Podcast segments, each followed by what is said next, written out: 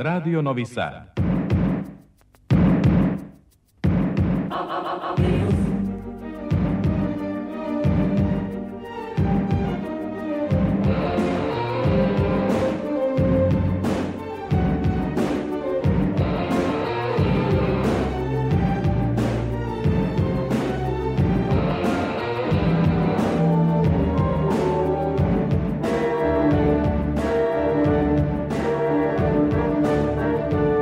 Spektar.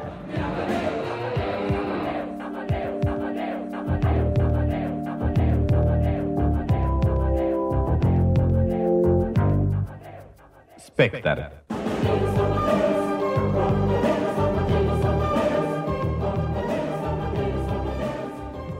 Dobro večer. Ja sam Tatjana Novčić-Matijević. Počinje Spektar, magazin prvog programa radija za kulturu i o kulturi. Konačno se kulturna i umetnička javnost probudila iz praznične i postpraznične oblomovštine i žustro krenula u kreiranje javnog života. Danica Vukićević proglašena je novom Ninovom laboratkinjom. Počeo 16. Kunstendorf. U Novom Sadu održana je i pozorišna i premijera filma. Za spektar govori likovna umetnica Adrijen Ujhazi, a povodom premijerne izložbe u Beogradu. I to je samo deo sadržaja u večerašnjem izdanju Spektra, na 87,7, 99,3, 99,6 MHz ultra kratkih talasa i na sajtu Radio Televizije Vojvodine. Ew.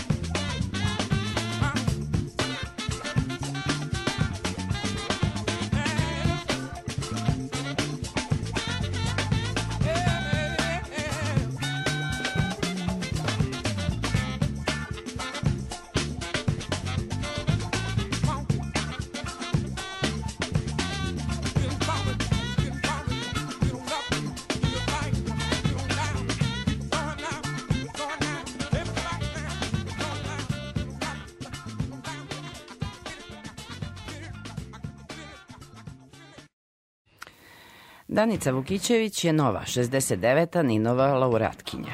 Njen roman, Unutrašnje more, proglašen je najboljim u prošloj godini. Nagrada će joj biti uručena u ponedeljak, a evo kako je reagovala na odluku. Veoma sam uzbuđena, veoma sam zahvalna. Zahvalna sam članima žirija koji su glasali za mene, jer su pokazali koliko su pametni. A ovima koji nisu glasali za mene sam takođe zahvalna jer su ukazali na ove druge ljude koji su što bi rekla Milana Marković, prošli put nisam čitala kolege, veoma ozbiljno čitam i pratim ovaj, našu produkciju i u tom smislu ovo je izbor mog romana i ima veliki simbolički, veliku simboličku težinu, jer je zaista to nešto napisano vrlo rizično. Ta forma koju sam ja izabrala, uslovo rečeno, ta, svi pominju stalno fragment, međutim, između ostalog, svi ti fragmenti su zaista povezani, imaju duboko jedinstvo, jer to je jedna veoma složena priča. Ja pišem, 30 godina objavljujem i svi znaju kao da sam ja pesnikinja i kada si pesnikinja, pre svega pesnikinja, pa može, pa neka. I sada će biti velika frka, ovaj, jer kada napišeš roman, to da te ljudi ozbiljno shvataju, to je dobro, ali između ostalo, znači, pošto ja pišem poeziju, pišem i priče.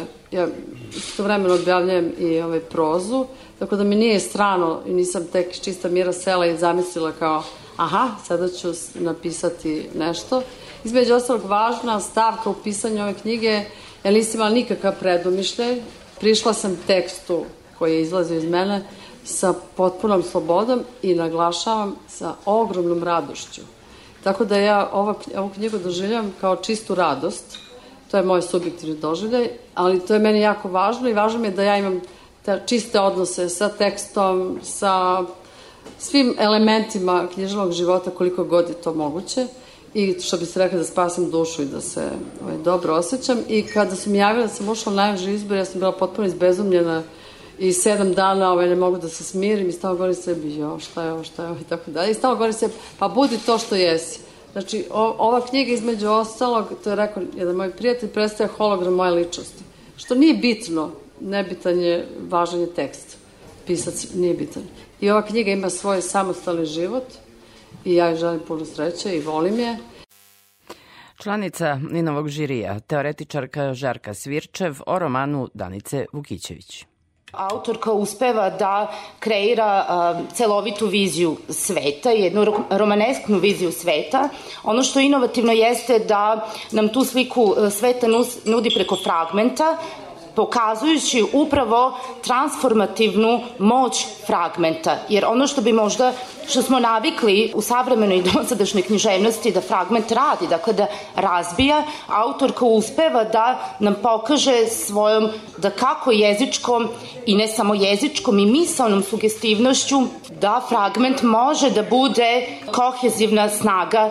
Fragmenti u stvari svedoče o žudnji za celinom, o žudnji za totalitetom svetom. Tu žudnju, i mislim da je to jako važno istaći, ta žudnja nam je ispripovedana iz outsiderske perspektive, imamo jedan vrlo autentičan ženski glas, veseo, anksiozan, ranjiv, razigran, ironičan, glas koji je takođe kohezivna snaga i snage tog glasa proističe, izlučuje se neponovljiv ili redko viđen, rekla bih u našoj savremenoj književnosti, etos ovog teksta.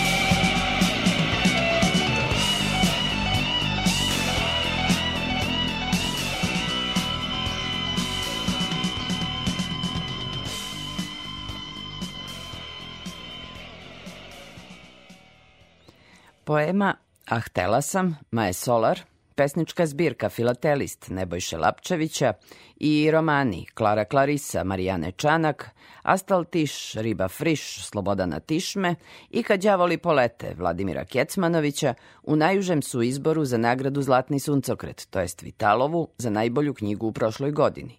Pobednik će biti poznat u ponedeljak, a predsednik žirija, Vladimir Gvozden, ovako komentariše odabrane knjige.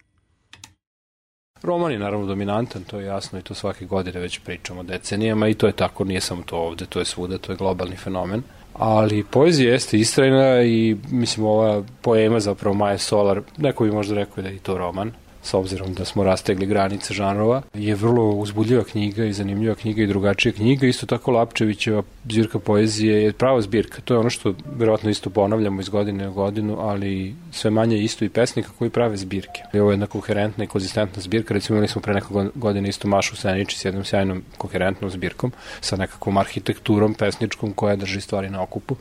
Ovde je jedna putopisna matrica koja jeste malo potrošena s jedne strane, ali s druge strane autor je pokazao da, da, još uvijek može da se po nešto kaže.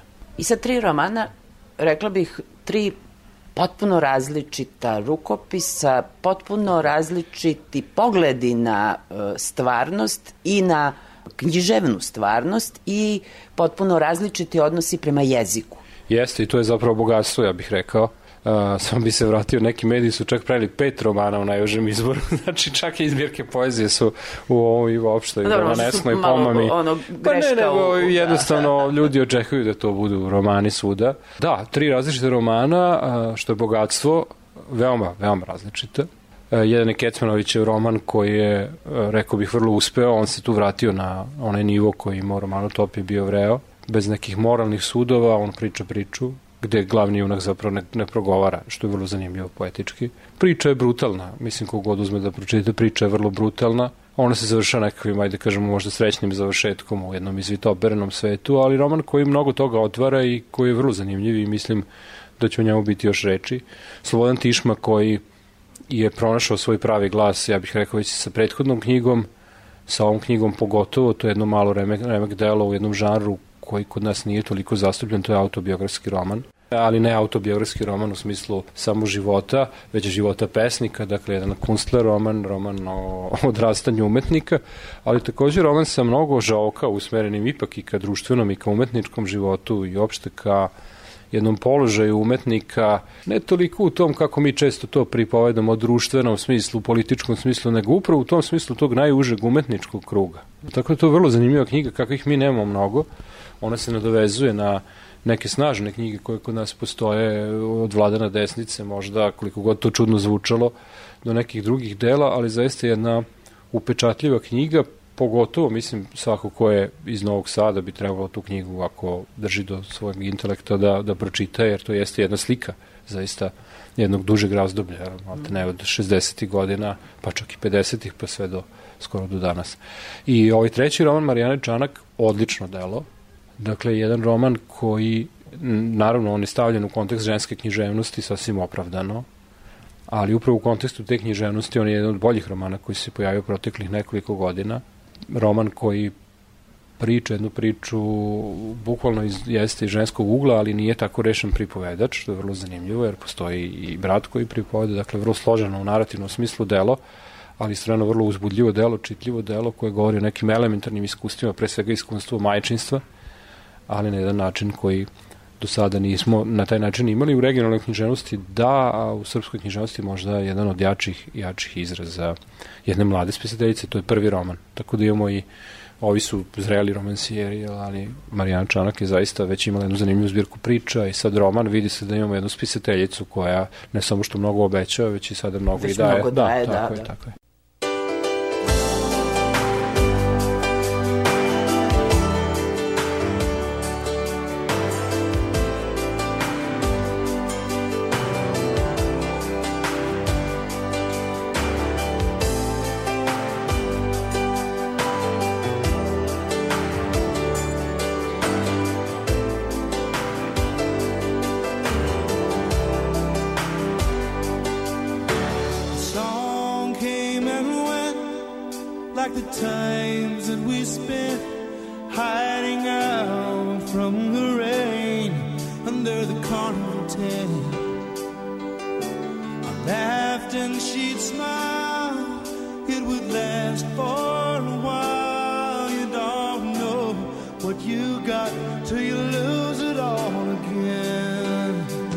Listen to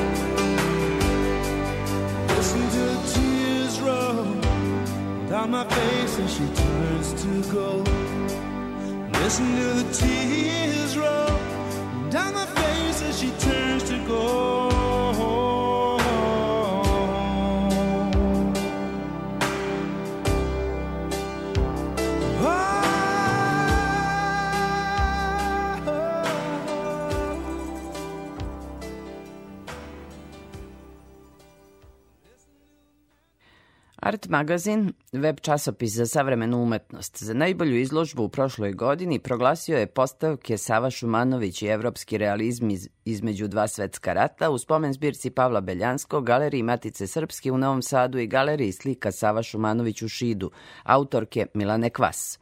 U obrazloženju se kaže da izložba Sava Šumanović i evropski realizmi između dva rata, čija je autorka Milana Kvas, istoričarka umetnosti, ujedno jedan od najznačajnijih događaja u okviru programa Fondacije Novi Sad Evropska prestonica kulture.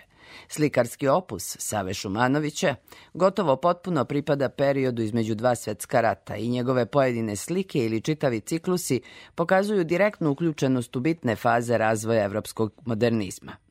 Stvaranje celovite slike o Šumanovićevim realizmima i njihovim relacijama sa međunarodnim umetničkim tokovima veoma uspešno je realizovano izložbama u spomen zbirci Pavla Beljanskog, galeriji Matice Srpski u Novom Sadu i galeriji slika Sava Šumanović u Šidu, koje su obuhvatile 102 Šumanovićeva dela. A novosadska umetnica Adrijen Ujhazi Po prvi put predstavila je beogradskoj publici BioArt, kojim se bavi još od studija u klasi profesora Vlade Rančića. Manipulacijom biološkog materijala govori o odnosu čoveka i prirode u doba antropo i tehnocentrizma. Adrijen Ujhaz je mlada umetnica. Iza nje je već desetina samostalnih i grupnih izložbi. Prošle godine razvila i projekat Biofabrika sa srednjoškolcima iz škole Bogdan Šuput, program alternativne produkcije umetnosti. Kako kaže u razgovoru sa Aleksandrom Rajić, istražuje teoriju između umetnosti, nauke i tehnologije i rasvetljava afinitete između čoveka i prirode. Koegzistencija naziv je vaše nove izložbe u Beogradskoj galeriji Novembar. Za početak, e, šta ste predstavili beogradskoj publici i na šta naslov koegzistencija upućuje? Pa ovom prilikom sam predstavila svoje radove iz serije Biofilija i Memento, koji su inače radovi iz prethodnih serija, odnosno iz prethodne produkcije, ali imam i neke nove radove, to je postpandemijske radove koje se nadovezuju za iste i smatrala sam da bi bilo zanimljivo po prvi put u Beogradu da predstavim tu seriju radova koji su bogati različitih medija, poput videa, poput objekata, e, digitalnih radova i tako dalje. Da se oni malo bolje upoznaju sa ovom specifičnom tehnikom i pristupom prema stvaranju umetničkih dela i zapravo pod nazivom koegzistencija sam tela nekako da usmerim publiku e, da malo dublje posmatraju moje radove ne samo kao delo, umetničko delo, estetsko delo za sebe, nego da vide zapravo konkretnu materiju, odnosno od čega nastaje i da prikažem čitav taj proces e, od prvog jel, početka kako ja razmišljam o radu, koji je to koncept, kontekst i procedura do finalnog produkta. E sad, koegzistencija konkretno aludira na to da moji radovi su od bioloških materijala, znači od e, zdravih, da ističem zdravih bakterija koji se nalaze u kombuhi, pošto uzgajam e, gljivu kombuhu, odnosno skobi, to je simbiotska kultura bakterija i kvasca i koegzistencija između čoveka, prirode, mikroja, bakterija i tako dalje se dovodi do nekih e, pitanja ili odgovora, to već zavisi isto od e, same publike, a ja isto volim više pitanja da postavljam, a ne da dajem odgovore. Ali ja bih rekla da tu ima i koji egzistencije između dve tehnike, dva načina rada, dakle one tih vaših e, živih radova i onog dokumentarnog materijala, odnosno naravno umetničkog artefakta koji vi na kraju proizvodite, a to su e, digitalni printovi, e, fotografije, video radovi i tako E, dalje. Među vašim radovima pretpostavljam da je publici svakako najzanimljiviji bio taj vaš e, živi rad, odnosno bio art, ako tako može da se kaže, tako zovu zapravo kritičari.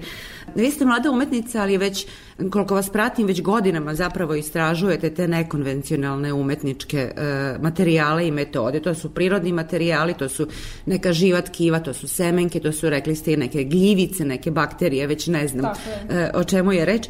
U čemu se zapravo sastoji ta vaša intervencija na njima i Kako ih kasnije transponujete u taj e, finalni umetnički rad, odnosno u tu dokumentaciju kojim završavate, pretpostavljam, ono što počnete? E sad, pa počevši od toga konkretno za ovu seriju radova koji su na izložbi, to sam i... To su stari radovi, To, da? e, pa nisu baš stari, ali je sličan metod. U smislu stariji radovi su u pitanju pod nazivom da je biofilija, je glavni naziv za jednu seriju. To su e, svetlosne kutije. E sad, kako ja dođem do tih svetlosnih kutija? Znači, prvo ja uzgajam materijal, skuvam čaj, uzgajam tu gljivu. Kroz određeni period to raste, dobije se određena debljina tog materijala i naknadno kada sam ja zadovoljna, onda to vadim i perem. Znači imam poseban tretman kako to radim i potom sušim. E sad ta dehidra, dehidratacija je opet drugačiji metod od ostalih zato što e, materijal je jako fragilan. Znači puno prašine može da se prilepi, dodatno da se ubuđa. Tako da tu isto treba mislim, treba da budem oprezna i treba više vremena. Ali rekli ste neškodljivi materijal, neškodljiva gljiva, bez obzira što radite s njom i što udišete taj prah, tako? Pa imam masku svakako, znači to, to je isto maska jako je ostala. bitno. Da, da, maska je ostala u svakom procesu radi ne daj Bože neki situacija, ali mislim to se redko inače dešava. Nije to sad da se svaki put jel, to desi da se ubuđa ili tako nešto, a inače mislim buđ e, kao takav se pojavljuje i na ostalim živim materijama poput ako koristimo, ne znam, naranđu ili limun, pa ostavimo pa se ubuđa. Mislim, te vrste buđi se pojavljuju u suštini i na ovoj gljivi. Da, u čemu ste zapravo otkrili estetiku u tom mikrosvetu, u tom kako izgleda? Pa to zapravo je meni bilo jako fascinantno na početku, šta taj mikrosvet, mislim kako taj mikrosvet može da izgleda, što mi zapravo svojim očima ne vidimo i onda kada posle određenog vremena, da li je to fermentacija ili da stavljamo te neke prirodne materijale u malo drugačije i kontekst i okruženje, drugačije se pojavljuje, drugačije se neke stvari manifestuju. I ja te momente, segmente fiksiram. Znači to je sad isto pod upitnikom da ću ja moći na kraju taj materijal da iskoristim ili ne. Ali zato postoji taj memento, e, serija tih digitalnih printova gde sam ja obeležila te momente, ali nije nužno da ti momenti su baš prisutni na tim minijaturama. A šta je finalni proizvod? Finalni proizvod jeste sam, sam umetničko delo, znači pričamo o minijaturama ili o, o tim objektima svetlosnih kutija, ali ja lično smatram i finalnim produktom i već digitalne printove za sebe. Finalni proizvod, vrlo uslovno govoreći, jer kod vas je reč zapravo jednoj procesualnosti Tako u je. umetničkom aktu. Tako je. E sad, e, ovako kako pričate, čini se da zapravo ste napravili iskorak e, iz umetnosti, istražujete Dakle, ne samo te ekološke probleme o kojima ste govorili, čoveka, odnos čoveka i prirode, nego prosto i druge vrste nauke, biološke, tehnološke. Kakve nama informacije dajete, odnosno kakve ste vi sami sebi i, i, i u shvatanju sveta dobili informacije iz te drugačije vizure? Pa, apsolutno sam saznala dosta zanimljivih stvari, to naravno upoznavajući nove kolege koji su biolozi, mikolozi i tako dalje. Mnogo toga sam saznala, na primjer, o pečurkama, kako se, na primjer, oni uzgajaju, kakvi uslovi su neophodni i ta, kako se hrane, kako eventualno komuniciraju i tako dalje.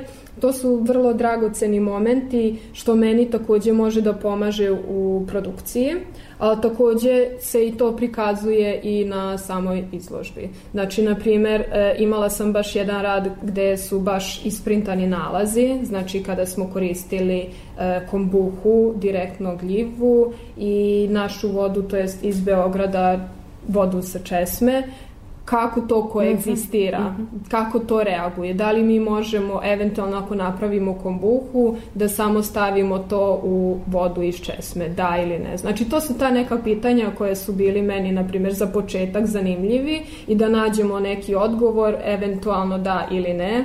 E, to je na primjer jedan detalj, ali takođe Bilo Ali mi je imali ste i sa Dunavom, jel da? Imali E, ste to je- Dunavskom vodu, tako ste radili svoje vremeno. Tako je, mislim to je bilo vrlo očigledno i očekivano. Ako ja koristim vodu iz Dunava, pomešam sa veoma fragilnim materijalom gde samo vazduh može da utiče, da se ubuđa, da će se tu nešto intenzivno da se desi, jel? da ima neku vrstu reakcije i to verovatno će biti buđ.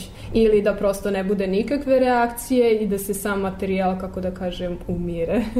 jel? Mislim, te bakterije uopšte ne mogu da se izbore sa tim nekim drugim eh, invazivnim vrstima koji su na mikronivou nama jel, nevidljivi, ali je zapravo ispred nas prisutno. Naprimer, iz te serije, što je bilo realizovano još u Novom Sadu u okviru ovaj, šok zadruge, e, to je bila zapravo e, rad seeing is believing, znači ono što vidimo mi samo to mislim razumemo i u to verujemo. A zapravo suprotno ne mora samo to da znači. Mislim taj mikrosvet je toliko složen i meni je to isto fascinantno da da se igram s tim nekim nevidljivim momentima prirode.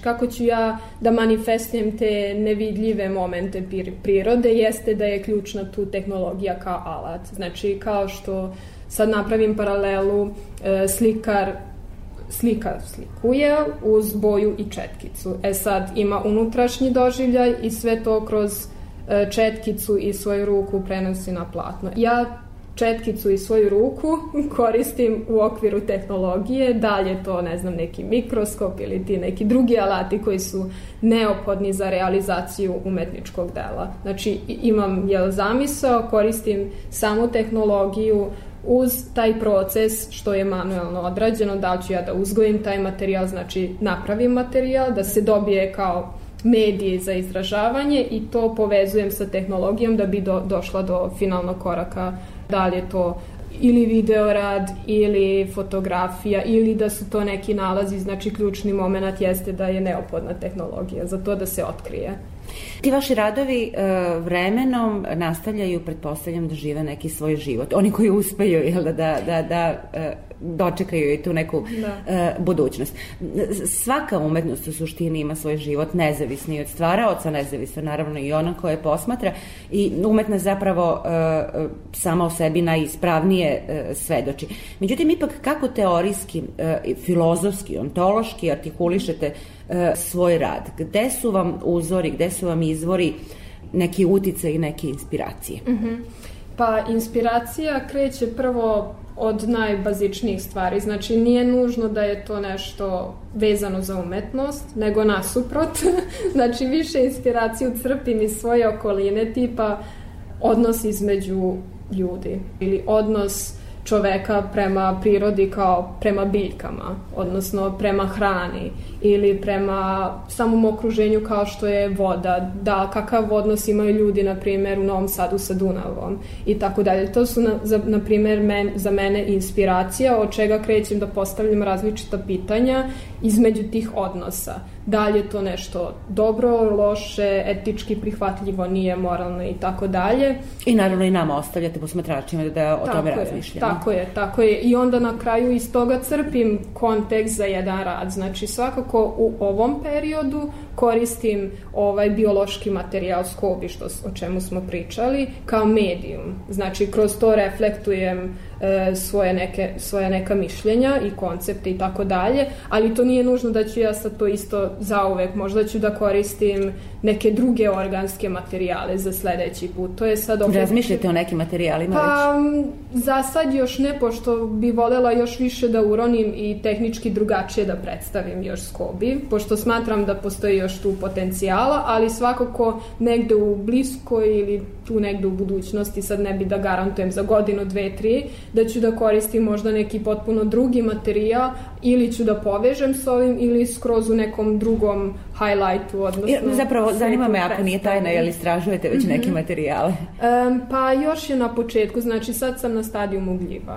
Mm -hmm. Tako da ćemo da vidimo u kom smeru će to da ide, zato što teško je sa ovakvim prirodnim materijalima unapred ustanoviti šta bi moglo da bude, nego volim taj moment da komuniciram direktno sa materijalom, na primer, ako ja to krećem da uzgajam šta će se desiti i taj proces me vodi da, da. u realizaciju jednog rada. Znači ne bi baš da diktiram ja sad neki proces da ako uzgajam nešto to mora da bude e, slika mislim, ne, ili bilo koji objekat, nego će možda biti, mislim, dobit ću inspiraciju da napravim nešto potpuno deseto. Toga. Materijal vas zapravo povede kao u ostalom bilo kog umetnika, kao i klasičnog slikara, da, da, a ne da, samo... Da, da, da. Tako da u tom smislu e, nema tu, mislim, u pristupu ra razlike, samo po tehnologiji, znači po realizaciji je to malo drugačije i taj finalni produkt po sadržaju je drugačiji. Jel komunicirate sa kolegama u svetu zapravo, odnosno imate li saznanja o tome kako, je, kako se u svetu razvija ta vrsta mm -hmm. bio arta, ako tako da, da, da, da, da, da, da, da.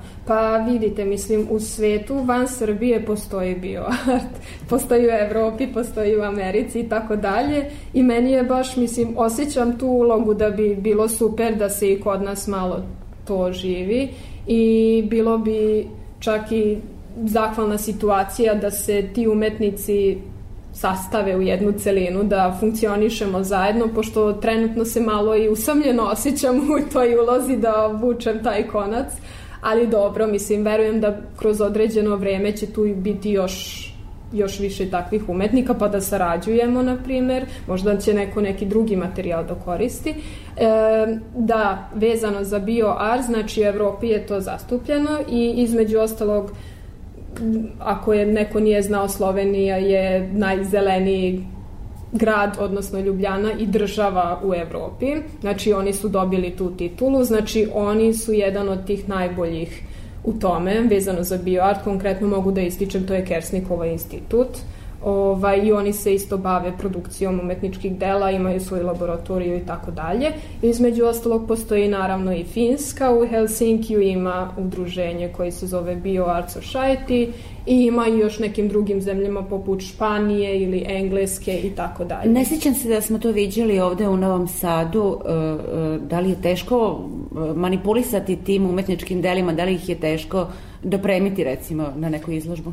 Da, mislim, postoji određena procedura i održavanje tih radova. Sad opet zavisi da su to neki fiksirani radovi ili su živi radovi u kontekstu... Koji nastavljaju da rastu. Da, na primer, pa ne, ne samo da rastu, nego da se ti nalazi ili žive gljive, mikrobi i tako dalje da se razmnožavaju. Znači, ako konkretno pričamo o nekoj instalaciji gde uključimo neku pumpu, alge, to je bukvalno kao akvarijum ako imamo ribice treba da održavamo ako je takva postavka u pitanju i onda to su veoma fragilni momenti gde možda za postavku je neophodna neka stručna osoba poput naučnika i naravno umetnik je isto potreban da prisustvuje da bi se to sve sklopilo. Ja vam se zahvaljujem na ovom razgovoru.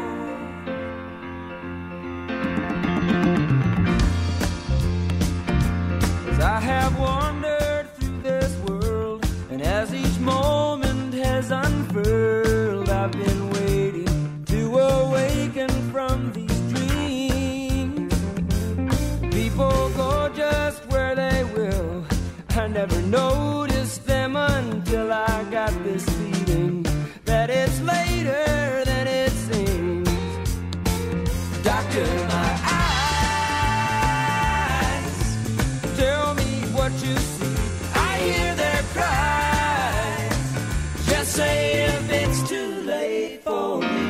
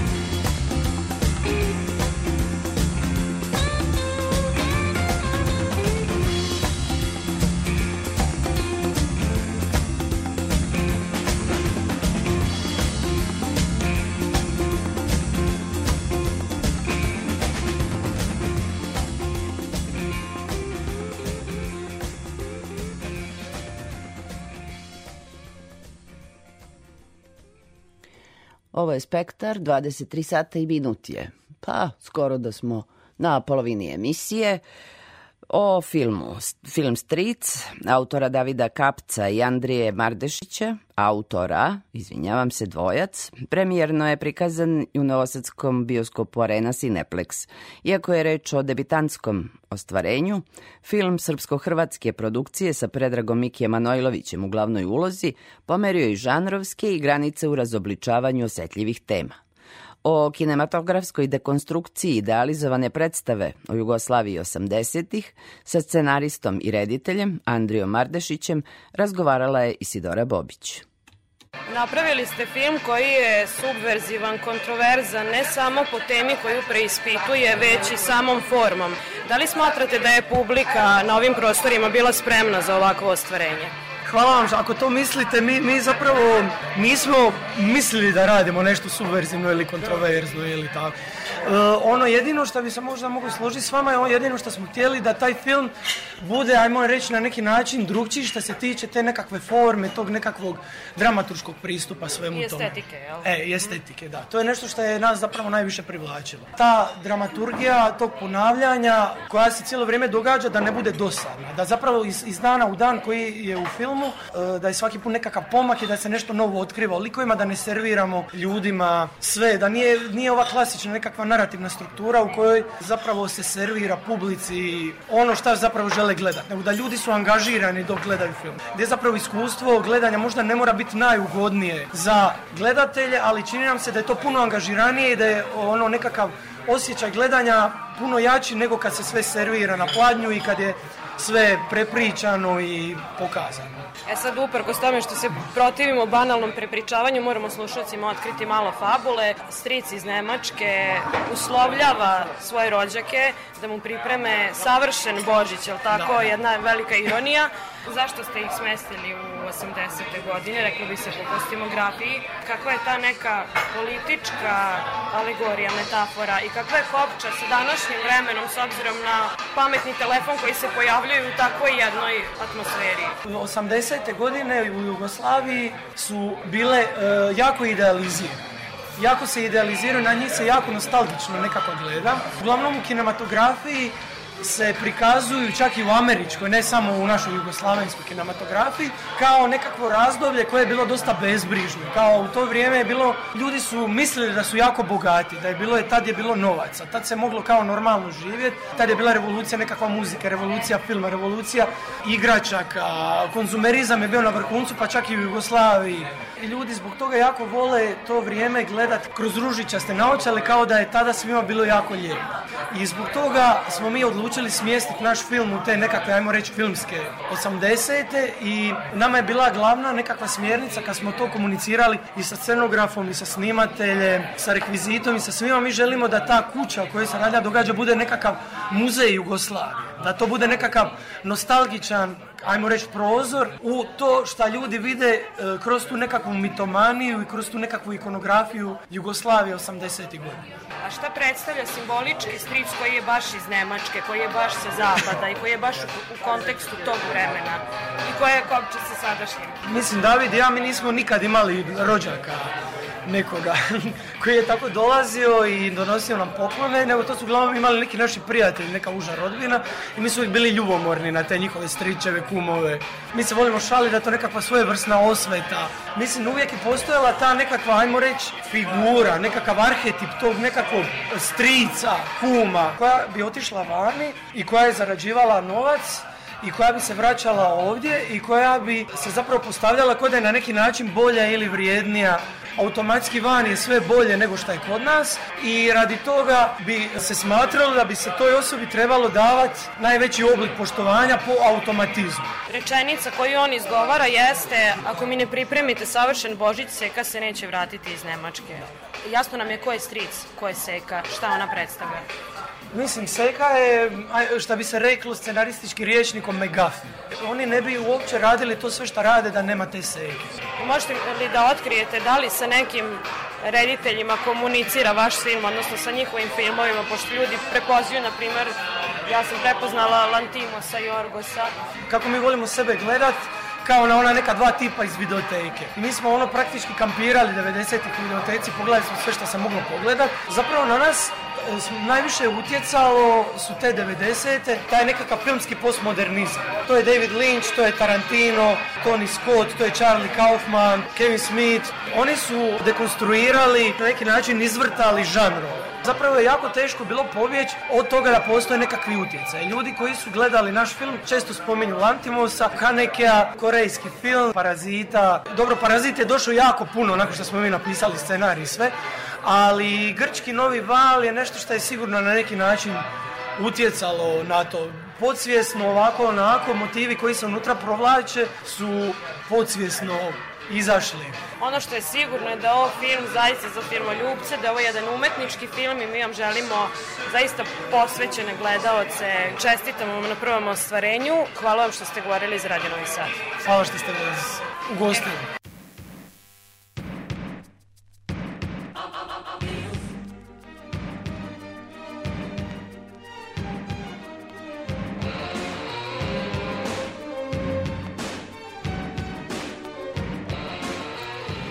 Nastavljamo o filmu i sad idemo u žižu dešavanja. Kao što znate, pre dva dana počeo je 16. Međunarodni filmski muzički festival Kustendorf. Tamo je Goran Vukčević. Gorane, imali snega kod vas? E, pa ima. Kad smo došli bio onako u tragovima, sad ga, sad ga već pomalo ima. Mislim, e, mećavnik je to. Trebalo bi mećave deo, da imate. da, da, na, pa mećave nema, ali e, ekipe novinarske su, e, pa i ja, smeštene gore na brdu Iver, 8 km odavde, tamo ga ima malo više, ali čak radi i mašina koja dodatno o, osnežava stazu. E, Pitam te zbog, za sneg, prosto nekako je to pripadajuće ovom dobu godine i lokaciji, a zapravo kakva je atmosfera, je li zimska ili, ili ima malo o, veće dinamike?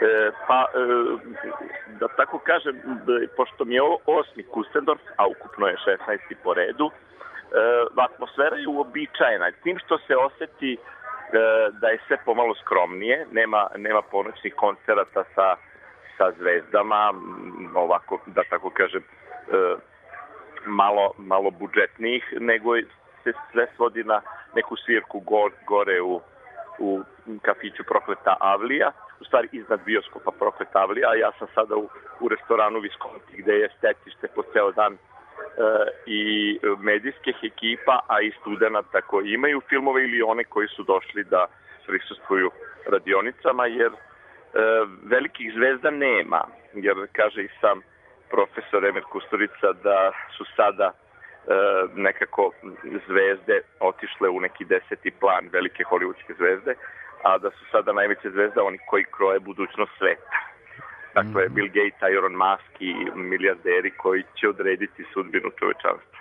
I dobro, sad već polako ulazimo u onaj oficijalni program Kustendorfa. Šta si video od filmova, šta još je na programu, kakva je ta arhitektura e, festivala ove godine? Pa evo, ja ću samo malo izaći kako bih te bolje čuo Mhm. ovaj, na terasu, ali e, bitno je reći da je slogan ovog, ovogodišnjeg festivala e, umetnost iznad svega i zaista na samom otvaranju e, profesor je predstavio jedan video zapis o balerini koja čak i u, u svojim samrtnim časovima sa teškim oblikom Alzheimera u kolicima, e, rukama muzika je potpuno e, probudi da rukama izvodi ono što je čime je nekada briljiralo na sceni i to je onda ispresecano tim snimcima njenih nastupa. Jeste, jeste, E, taj, taj snimak je ovaj, baš ovaj, bio vrlo vidljiv i, i i da, da, da, da, na društvenim mrežama, tako da, da znam, znamo o čemu govoriš. E, da, znamo o čemu se radi, Da. tako je. E, treba reći, dakle, uz ovaj program e, studentskih filmova od e, 374 ponuđeno, e, selektovano je 14 i u tri večeri će biti predstavljeni e, i mi dolaze iz 11 zemalja. E, dakle, to je ono što je što je glavni program uvek Kustendorfa, to su nove snage, mlade snage. A, ove godine nemamo ni veliku neku rediteljsku zvezdu, ni glumačku planetarnu Kustendorfu, ali zato su e, tu filmovi već afirmisanih reditelja koji su ranih godina bili gosti Kustendorfa. E, tako da a, videli smo videli smo e, film e, Chi Haikave, e, rediteljke iz Japana, koja je predstavila film Plan 75. E, taj film govori o jednoj mračnoj budu, agendi za budućnost, a to je eutanazija e, onih koji su navršili 75 godina sa čak predlogom vlade da, to, da ta granica pređe na 65. E, tako da ova, ovaj, ona je govorila o tome kao vrlo realnoj budućnosti.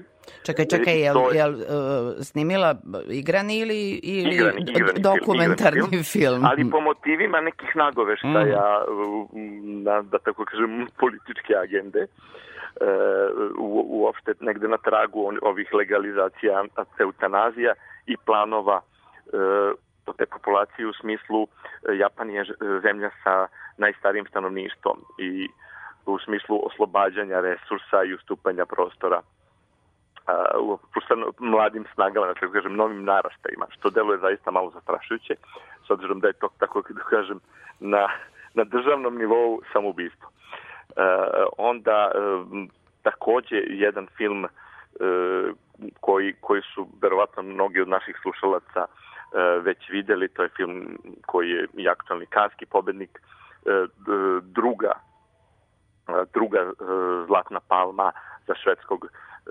reditelja Eslunda koji se obradi, obratio video linkom, to je znači e, Trougao tuge, mm Triangle of Sadness, mnogi su ga videli, već je bio i u distribuciji, ali nije mi, nije mi bilo na odme da ga vidim još jednom. Zaista majstorija, da samo kažem onima koji ne znaju o čemu se radi, da je to e, film o jednom paru, brendiranom paru top modela, koji se nalazi na brodu sa super bogatašima, sa milijarderima, e, gazdama fabrika, fabrike oružja, raznim, dakle, svetskim bogatašima.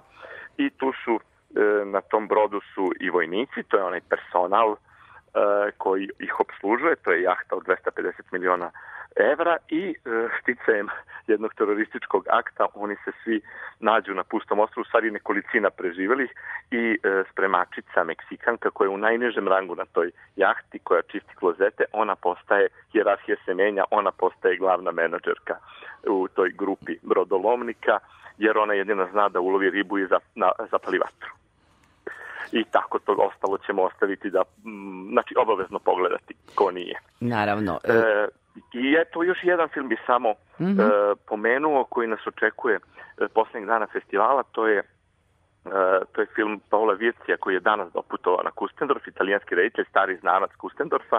To je film o nestanku vode u Rimu, znači jedan milionski grad, jedna metropola koja iznenada ostaje bez vode i ljudsko ponašanje u, u takvim kriznim situacijama, to ćemo tek videti. I ono što je bitno da pomenem, dakle, Slavko Štimac je član žirija ovogodišnjeg, on je bio dobitnik nagrade Drva u života 2019. A ove godine nagradu Drva u života iz ruku Emera Kusturice primit će Duško Kovačević, naš proslavljeni pisac, scenarista i reditelj. I kada će Kustendorf biti zatvoren? E, biće zatvoren u nedelju, 29. januara, i to dodelom e, zlatnog, srebrnog i bronzanog jajeta i nagrade Vilko Filač, e, nagrade za najbolju kameru, da podsjetimo Vilko Filač koji nije više među živima, je bio legendarni autor i Emir Kusturica je nekoliko filmova uradio sa njim. Tebi hvala na, na ovim iscrpnim informacijama. Vraćaj se sad u taj ovaj, restoran. Ako ništa drugo, top, toplije je. Da, da, da. Evo već ulazim. I, ovaj. Inače ćeš nam ostati tu zaleđen do proleća. da, da, da, da. I, i... U svakom slučaju vazduh je čistiji nego u gradu, tako da mi je drago ovde, mada nije e, ni malo ovako naporno. Verujem, sigurno. Da, dani na Kutendorfu su izbudljivi i naporni, ali u svakom slučaju magija koju je već ovako da kažem, patentirao profesor Kusturica. Eto, bio je to Goran Vukčević sa uh, istrpnim izveštajem sa 16. Kustendorfa. Čuli ste, u nedelju se zatvara i to je bilo sve.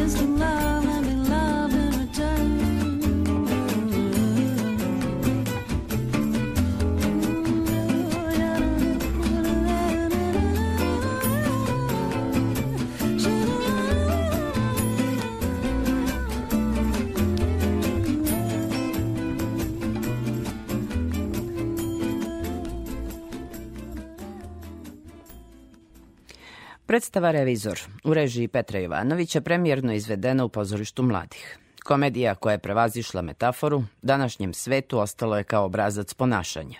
Privremenost koja traje večno. Sa distance od 200 godina prepoznajemo da smo ista životinska vrsta koja smo bili i tada, kaže u reditelj predstave Petar Jovanović u razgovoru sa Anom Čupić. Revizor je zapravo jedan veliki poklon koji je Gogolj ostavio svetu. To je komedija koja je postala naša dijagnoza. Šta vas je navelo da se baš u ovom trenutku bavite tim delom? Nažalost, bojim se da je revizor već dugo čeka da, da bude postavljen ponovo. Mislim da nam je stvarno fali, jer kao što sam rekao, revizor je naša dijagnoza, odnosno revizor bi mogao i da se nazove kao neki onako diagnostički metod, ono neki lakmus papir za ovu svu našu zaparloženost, za svu našu hipokriziju, za svu našu korumpiranost. On je prosto di- diagnostički alat, ono, instrument kojim, koji, koji možemo da, da seciramo društvo. Scenografija je vrlo zanimljiva, ona zapravo simbolično predstavlja raspad društva i polusvet u kome se sve radi, radi površno i u kome sve zamaskiramo u onom trenutku kada mora da bude zamaskirano, a ne, nije nas briga hoće li to sutra ostati ili ne.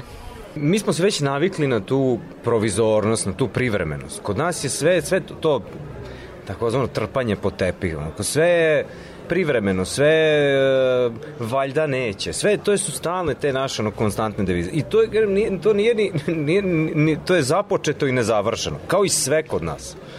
Mi smo ono kao i u osnovom i kao pojedinci, ono kao mi smo svi nešto započeli da se razvijamo pa negde zalutali. I sve, ali stalno mislimo kao nema ima vremena, kao to ćemo znači. To je taj isto naša ono kao isto isto boljka. Mi za sve kao imamo vremena, vreme ode, svet se promenio, svet je otišao toliko dalje, a, a mi smo zakopani u toj našoj to toj tešimo se za ono kao tim da ono kao to ćemo mi stići, nije to problem, mi ćemo to da nadoknadimo.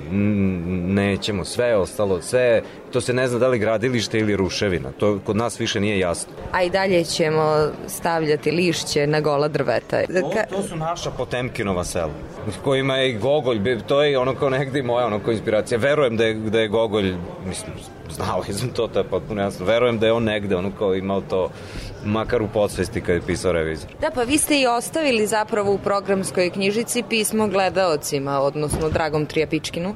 Tako je, koji A- je potpuno izmišljotina. Da, jasno.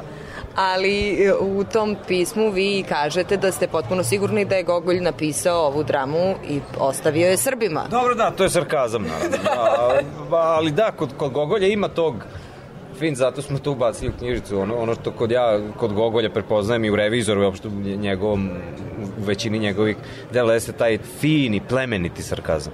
Vi ste napravili vrlo interesantnu podelu za, za početak u tom, jel, ajde da ga nazovemo kriznom štabu našeg dragog gradonačelnika. pušta nikog na ulicu. Da, po Gogolju su sve muškarci. A vi ste nekako otvorili e, pogled, pustili novi svet u, u Gogoljevo delo, odnosno dopustili ženama da sede na visokim pozicijama, odnosno Zemljaniku i Hlopova igraju glumice. Još jedna zanimljiva stvar je, mislim da prvi put zamišljam, gledam zapravo u revizora koji nema osipa pored sebe. Da, to je sve zato što smo e, hteli da osavremenimo e, revizora, ali u tom smislu tih društvenih konvencija. Jednostavno danas ne postoji niko nema slugu. Odnosno neko ko nema ni dinara u džepu ne može da ima slugu. To je prosto to prosto danas ne postoji. To je ostao, ono, to je Go- Gogolj kad je pisao, to je osiromašena ili aristokratija.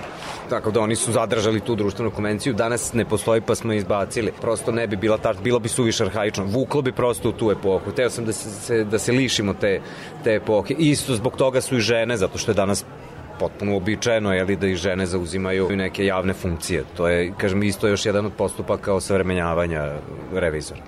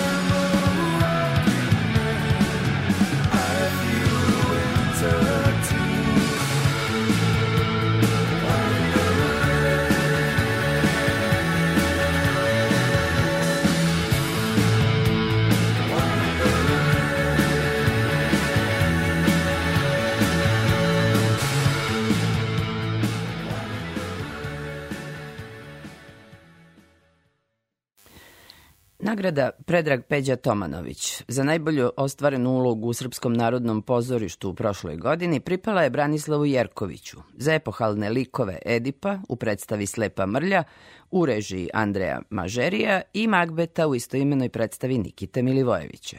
Sa Jerkovićem je razgovarala Ana Čupić. Predrag Peđa Tomanović je veliko glumačko priznanje, a kako će to priznanje doprineti vašem glumačkom biću? Danas sam nešto rekao kao negde, rekao sam možda da je to neki kliše, ali kao da je to izvesna obaveza i negde ovaj, sam razmišljao o tome što sam danas izgovorio i kao šta me sad obavezuje ta nagrada i da li me obavezuje. Ne znam da li me obavezuje, ne znam da li će me ono, obavezati da ja sad ili obavezivati, da li ja sad ovaj, nekako e, ja teram sebe uvek da nešto dalje odem ili da nešto više ili da probam nešto drugačije dok god me to uzbuđi, dok god imam snage da se borim sa, sa tim, to jest da ono, se ispoljavam na sceni kako se ispoljavam i e sad, pitanje je to ono, čudni su putevi ono, i, e, životni i to i dokle će to sad mene da tera, dokle ću imati želje, volje, snage da se time bavim. Malo sam sad čudno krenuo ovaj odgovor ali razmišljam pa ono kao to mi je danas prošla ta misla ono šta je u stvari obaveza i šta je dužnost i šta je šta posle nagrade kad ti neka nagrada dođe to priznanje da li je to sad olakšanje ili je to neko breme neki teret zavisi kako stvari gledaš ne, nekim danima osjećam to kao breme nekim danima kao neki blagoslov ili podstrek ili prosto menja se, menja se kao i sve u životu, tako i, i odnos prema nagradama, verovatno. Edip i Magbet, dve velike uloge, dva epohalna lika o kojima maštaju svi glumci od svojih studentskih dana, zaslužno su za to što je ova nagrada pripala vama. Šta vam ovi likovi znači i kako ste se pripremali za te uloge? Krenuo si ovaj, uvodom pitanje i osvrnuo bi se na taj uvod kao velike uloge kojima svi glumci maštaju. Ja moram priznam, ja nisam maštao. Ja nikad nisam maštao da igram Hamleta ili Macbeta. Na akademiji sam radio tela, ali neke delove, monologi, to nismo radili baš sad. I to je drugačije kad radiš nek, nekako na studijama, kako prosto pristup je drugačiji, osjećaj je drugačiji, odgovornost je drugačija nego kad ti sad si glumac neki nekim godinama i sad prosto ta neka uloga tvom glumačkom biću u tom raz, razdoblju u kojem jesi, toj spremnosti u kojoj jesi ili druge misli da ti jesi, pripada.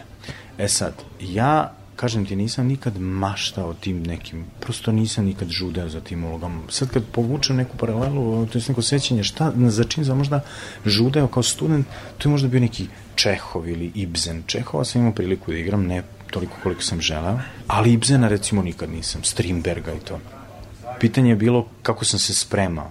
Čitao sam, razmišljao, to jednom sam prilikom čuo kada je Bata Živojnović rekao e, nešto se moja osvrtno tako kao glumci se spremaju za ulogu, kao nemaš ti kao šta da se spremaš, ti možeš da razmišljaš o ulozi.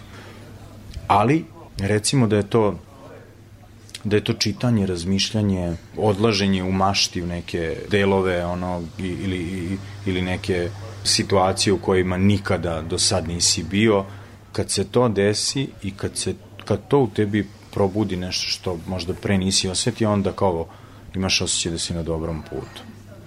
Tako bar ja mislim. Od 2006.